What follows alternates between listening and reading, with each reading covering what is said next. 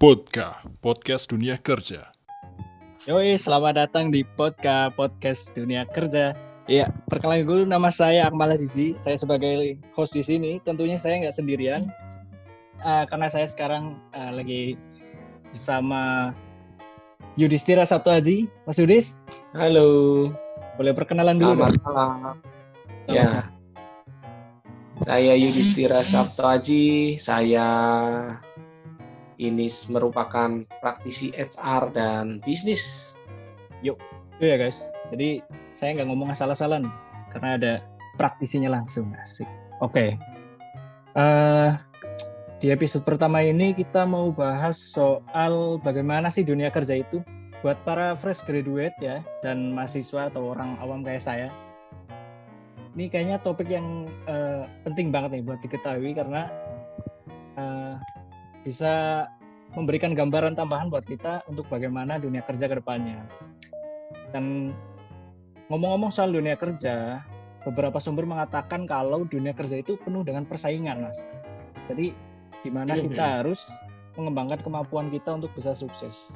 Nah, kalau menurut Mas Yudi sendiri itu apakah itu benar seperti itu atau mungkin bisa dibilang bahkan lebih dari sekedar persaingan dunia kerja itu? Oke, eh, sebelumnya saya jelasin dulu background saya memang udah di HR sekitar 10 tahun.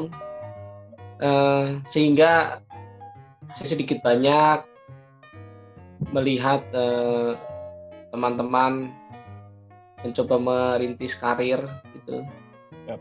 Dan terkait dengan pertanyaan tadi, apakah di dunia kerja ini penuh dengan persaingan? Sebetulnya gini, HR atau perusahaan akan membuat sebuah kompetisi dalam tanda kutip di sini untuk apa? Nah, atau kompetisi dalam hal apa? Yaitu dalam hal uh, kompetensi. Kompetensi itu apa? Kompetensi ini adalah bisa dikatakan skill. Hmm. Jadi kalau kita ngomongin di situ ada sisi kompetisi bisa dikatakan seperti itu. Kenapa? Karena perusahaan tentunya pingin dan uh, pingin memiliki sumber daya manusianya itu yang kompeten. Itu ya. Kemudian dari sisi sisi karir pun uh, di situ based on kompetensi dan based on performance. Jadi ya bisa dikatakan seperti itu. Kalau di dunia kerja ini dengan kompetisi.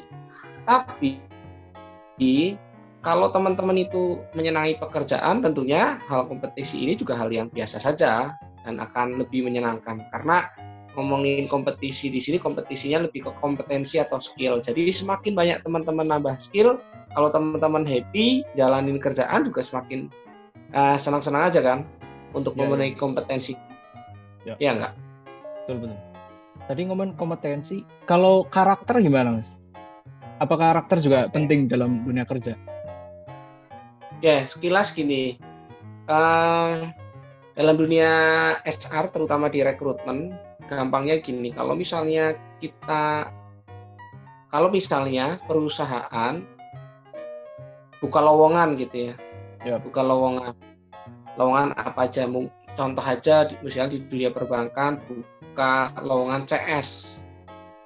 Service. Nah, hubungannya dengan tadi karakter adalah gini. Tentunya uh, posisi kar- posisi CS ini memiliki uh, karakteristik yang berbeda dengan uh, posisi di uh, back office. Hmm, Ya enggak?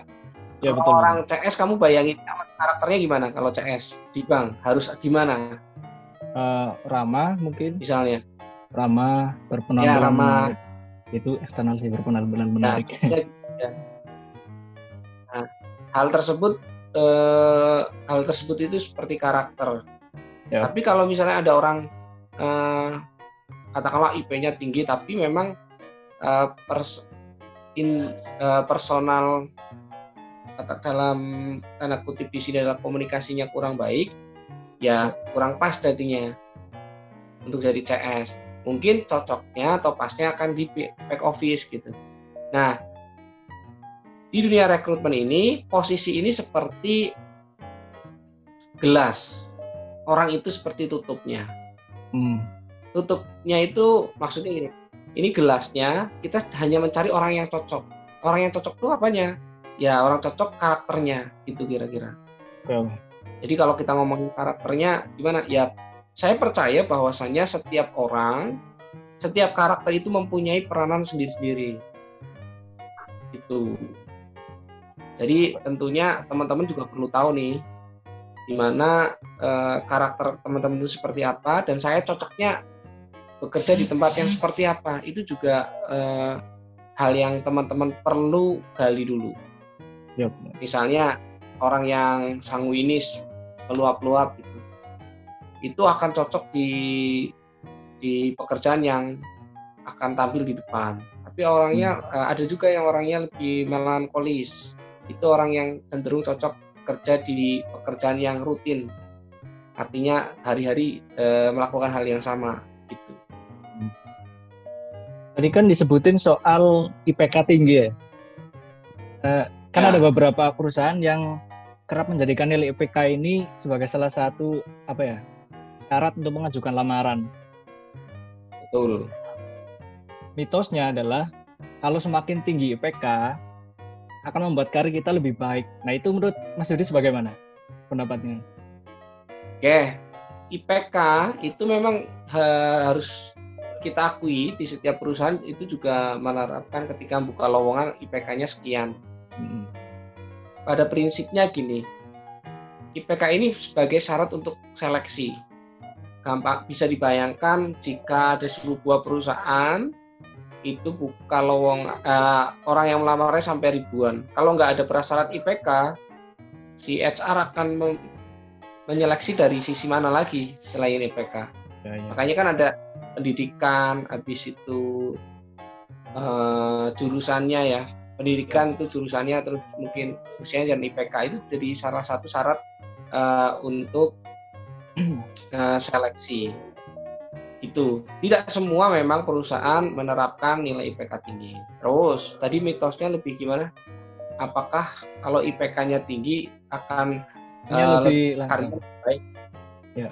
Nah, IPK ini ingat ya, itu jadi prasyarat untuk masuk. Selebihnya di dalamnya ketika teman-teman berkumpul dengan teman-teman yang lainnya, itu yang menentukan adalah kompetensi dan performa kerja.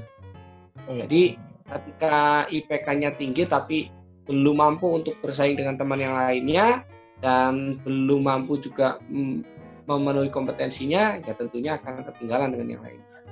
Tapi kalau misalnya IPK-nya tinggi terus dia juga mampu bersaing, kemudian juga dia eh, bisa cepat memenuhi kompetensinya, tugas-tugasnya juga udah dapat terselesaikan dengan baik, ya tentunya karir juga akan baik. Mm-mm. Ya. Selain Nah. IPK, Terus gimana? Kalau IPK terus ada pertanyaan, terus IPK jadinya penting nggak penting? Ya gini aja logikanya.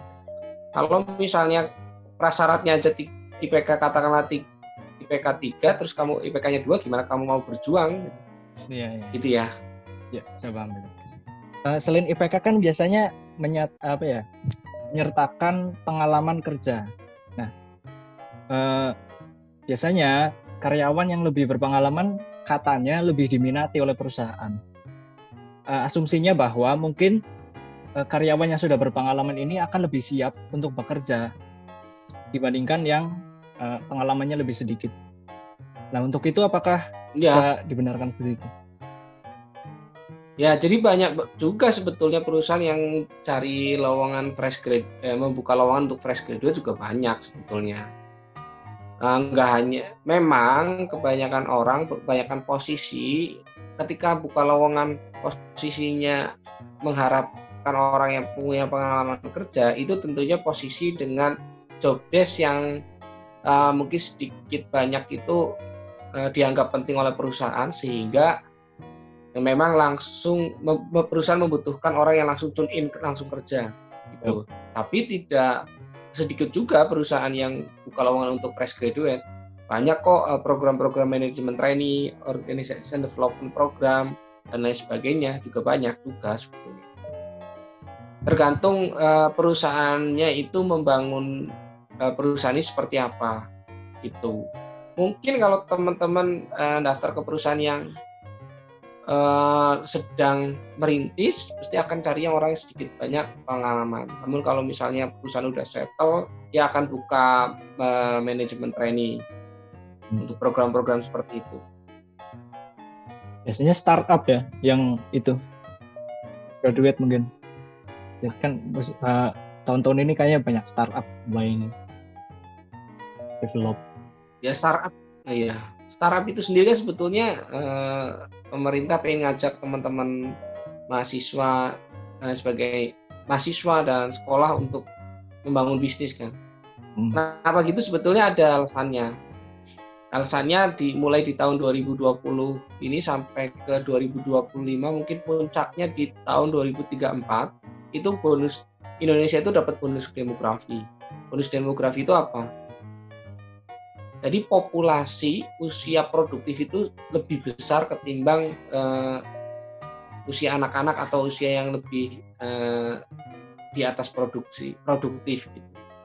Jadi kebayang ya, nih lulusan nah, jadi usia-usia teman-teman milenial itu banyak temennya dan sama-sama masuk grup ke dunia industri katakanlah. Sedangkan industrinya misalnya masih terbatas. Hmm.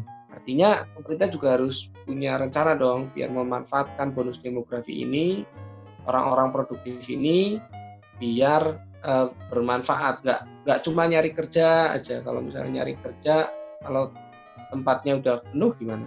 Makanya muncullah dirangsang dengan startup. Startup ini based on ide kan sebetulnya. Yep. Ide teknologi terjadi bisnis gitu kan. Jadi pemerintah mungkin mengajak kita untuk uh, berbisnis sebetulnya konsepnya gitu dan menumbuhkan uh, katakanlah lowongan kerja lowongan kerja baru. Ya, terutama kan kalau di musim pandemi gini kan kemarin banyak diberitakan kalau uh, banyak banyak pegawai yang di PHK.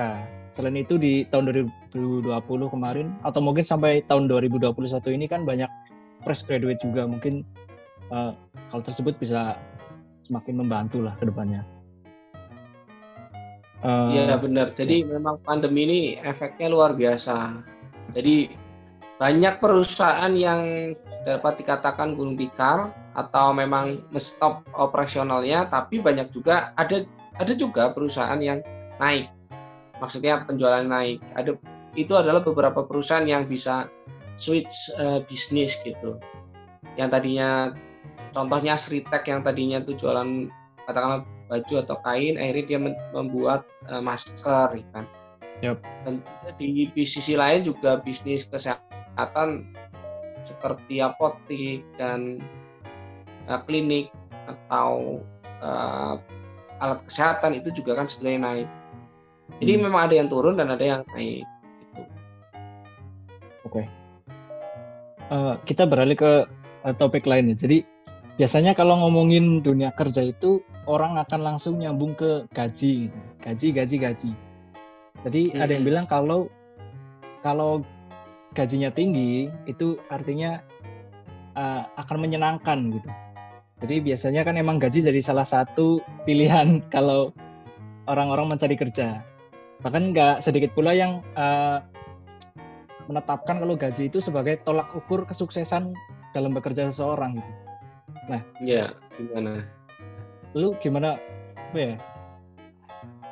Kita menyikap, menyikapinya itu gimana? Maksudnya ada beberapa orang yang bahkan bekerja itu nggak nggak mikirin gaji gitu. Maksudnya apa ya? Emang dia suka aja itu, emang passionnya di situ aja gitu. Ya, oke okay, benar. Maksudnya memang sebagian banyak orang akan kerja itu tujuannya buat gaji ya kan? Maksudnya makin gaji gede makin uh, tadi itu terpuaskan gitu hasratnya.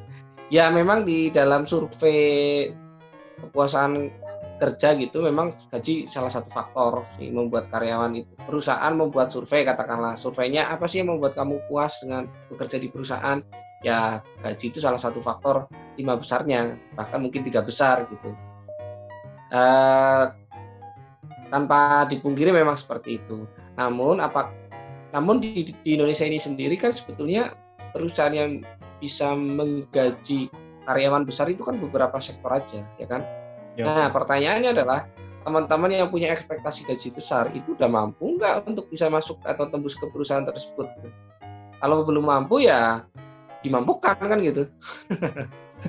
dimampukan. Kalau misalnya eh, cuma mimpi aja pengen dapat gaji gede tapi tanpa ada effort ya percuma juga. Gitu. Ya.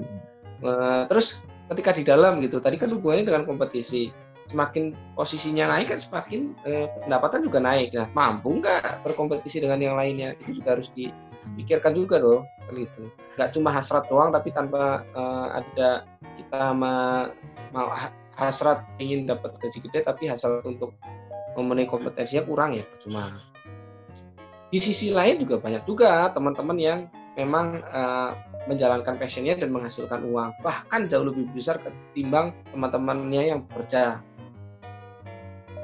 Bisa dilogikan gini mungkin saat ada dua orang dengan karakter berbeda pertama memang akhirnya dia memilih untuk langsung bekerja.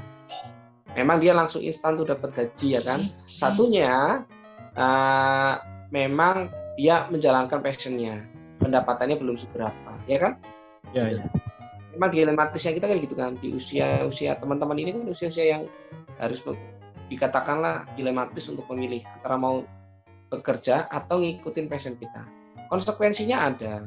Ketika memang kamu memilih untuk kerja memang langsung dapat uang, tapi potensi untuk bisa mendapatkan pendapatan lebih besar lagi itu juga tantangannya enggak tantangan juga banyak. Ada juga teman-teman yang memilih oke okay, stay aku mau bersusah-susah payah dulu lah menjalankan passionku sehingga aku jadi seorang ahli sehingga orang itu suatu saat akan mengundang aku dan bisa membayar uh, sesuai dengan hargaku katakan. Ya, ya. ya itu tinggal teman-teman mau pilih gitu bahkan mungkin orang-orang yang uh, menjalankan passionnya udah nggak mikir kan nggak mikir nggak mikir dapat gaji sekarang tapi uh, atau pendapatan sekarang mungkin dia hanya menjalankan passionnya aja suatu ada suatu titik di mana oh ternyata orang menghargai passionnya sehingga orang berani bayar lebih terhadap passionnya. Itu juga ya. bisa. Nah teman-teman tinggal pilih aja ya mau apa nih? Yang jelas teman-teman kan harus mengenal diri sendiri dulu kan. Kita sanggup di mana? Gitu.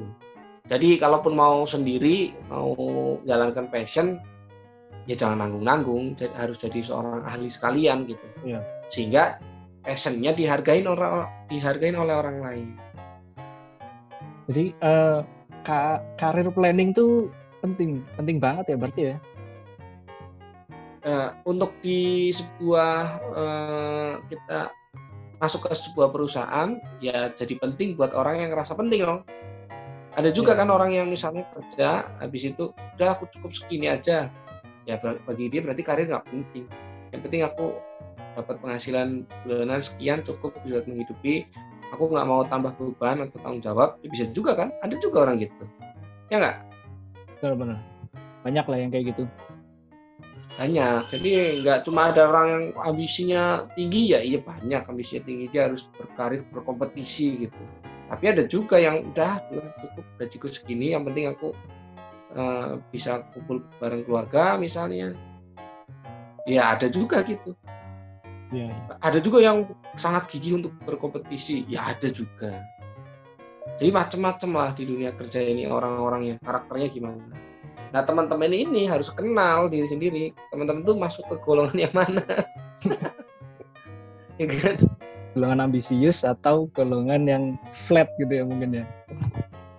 Iya, ternyata flat gitu. Ya udah, lo flat ya cari aja gantungan eh, perusahaan atau gaji yang cukup habis itu bisa digantungin udah santai gitu kan Oke, jadi itu ya kalau buat gaji kalau dari Mas Yudi sendiri ada tipsnya nggak buat kayak fresh graduate atau mungkin para job seeker atau mahasiswa lah sebelum memasuki dunia kerja itu yang wajib kita ketahui itu apa aja sih? Yang wajib diketahui adalah teman-teman itu maunya apa lah ini itu wajib diketahui dulu tuh maunya apa apakah mau kerja apakah mau jalan passion atau apa itu harus dicari tahu dulu itu penting kalau enggak, nanti teman-teman bisa tersesat. Maksudnya jadi setengah-setengah. Misalnya mau kerja, terus habis itu mikirin, aduh aku harusnya jalan passion. Akhirnya kerjaannya setengah-setengah. Gitu juga. Ketika oke aku memilih untuk menjalani passionku udah tahu ketika menjalani passion itu nggak langsung tuh pendapatan itu langsung dapat gitu kan. Akhirnya kepikiran Iya, ah ya kan kerja. Itu jadi ya nggak? Hmm, Nulis artikel salah satunya. adalah harus ya terserah.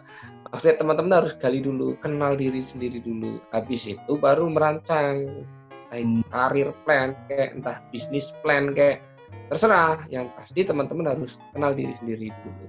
Cari eh, saya punya pernah dapat quote kalau misalnya orang itu kan ada kelemahan ada kelebihan kan orang itu nggak boleh fokus terhadap kelebihan. Di dunia pendidikan kadang-kadang kita tuh eh, diajarkan gini kekuranganmu apa? Terus kamu harus men- gimana caranya menambal kekurangan ya kan?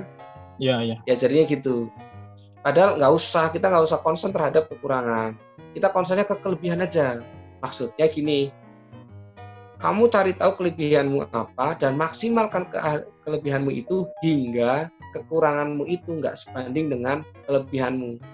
Orang akan menganggap bahwa oh kekurangannya nggak seberapa ketimbang kelebihanmu gitu. Yang namanya orang pasti punya kekurangan tapi pastikan kelebihanmu itu jauh lebih besar sehingga orang bisa memaklumi kekuranganmu gitu. Itu ini bisa lebih ya. Ya. Mungkin kita cukupin aja sampai di sini.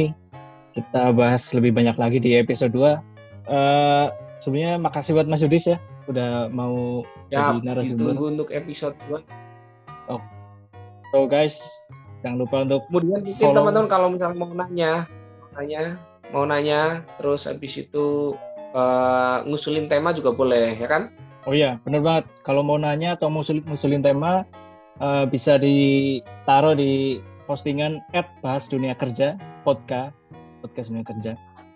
Salah di DM atau di komentar postingan salah satu punya kita. Ya itu aja yang bisa kita share ya, Mas. Kurang lebihnya mohon maaf. ya siap siap Sampai ketemu di episode berikutnya. sampai ketemu di episode berikutnya bye bye Bye bye.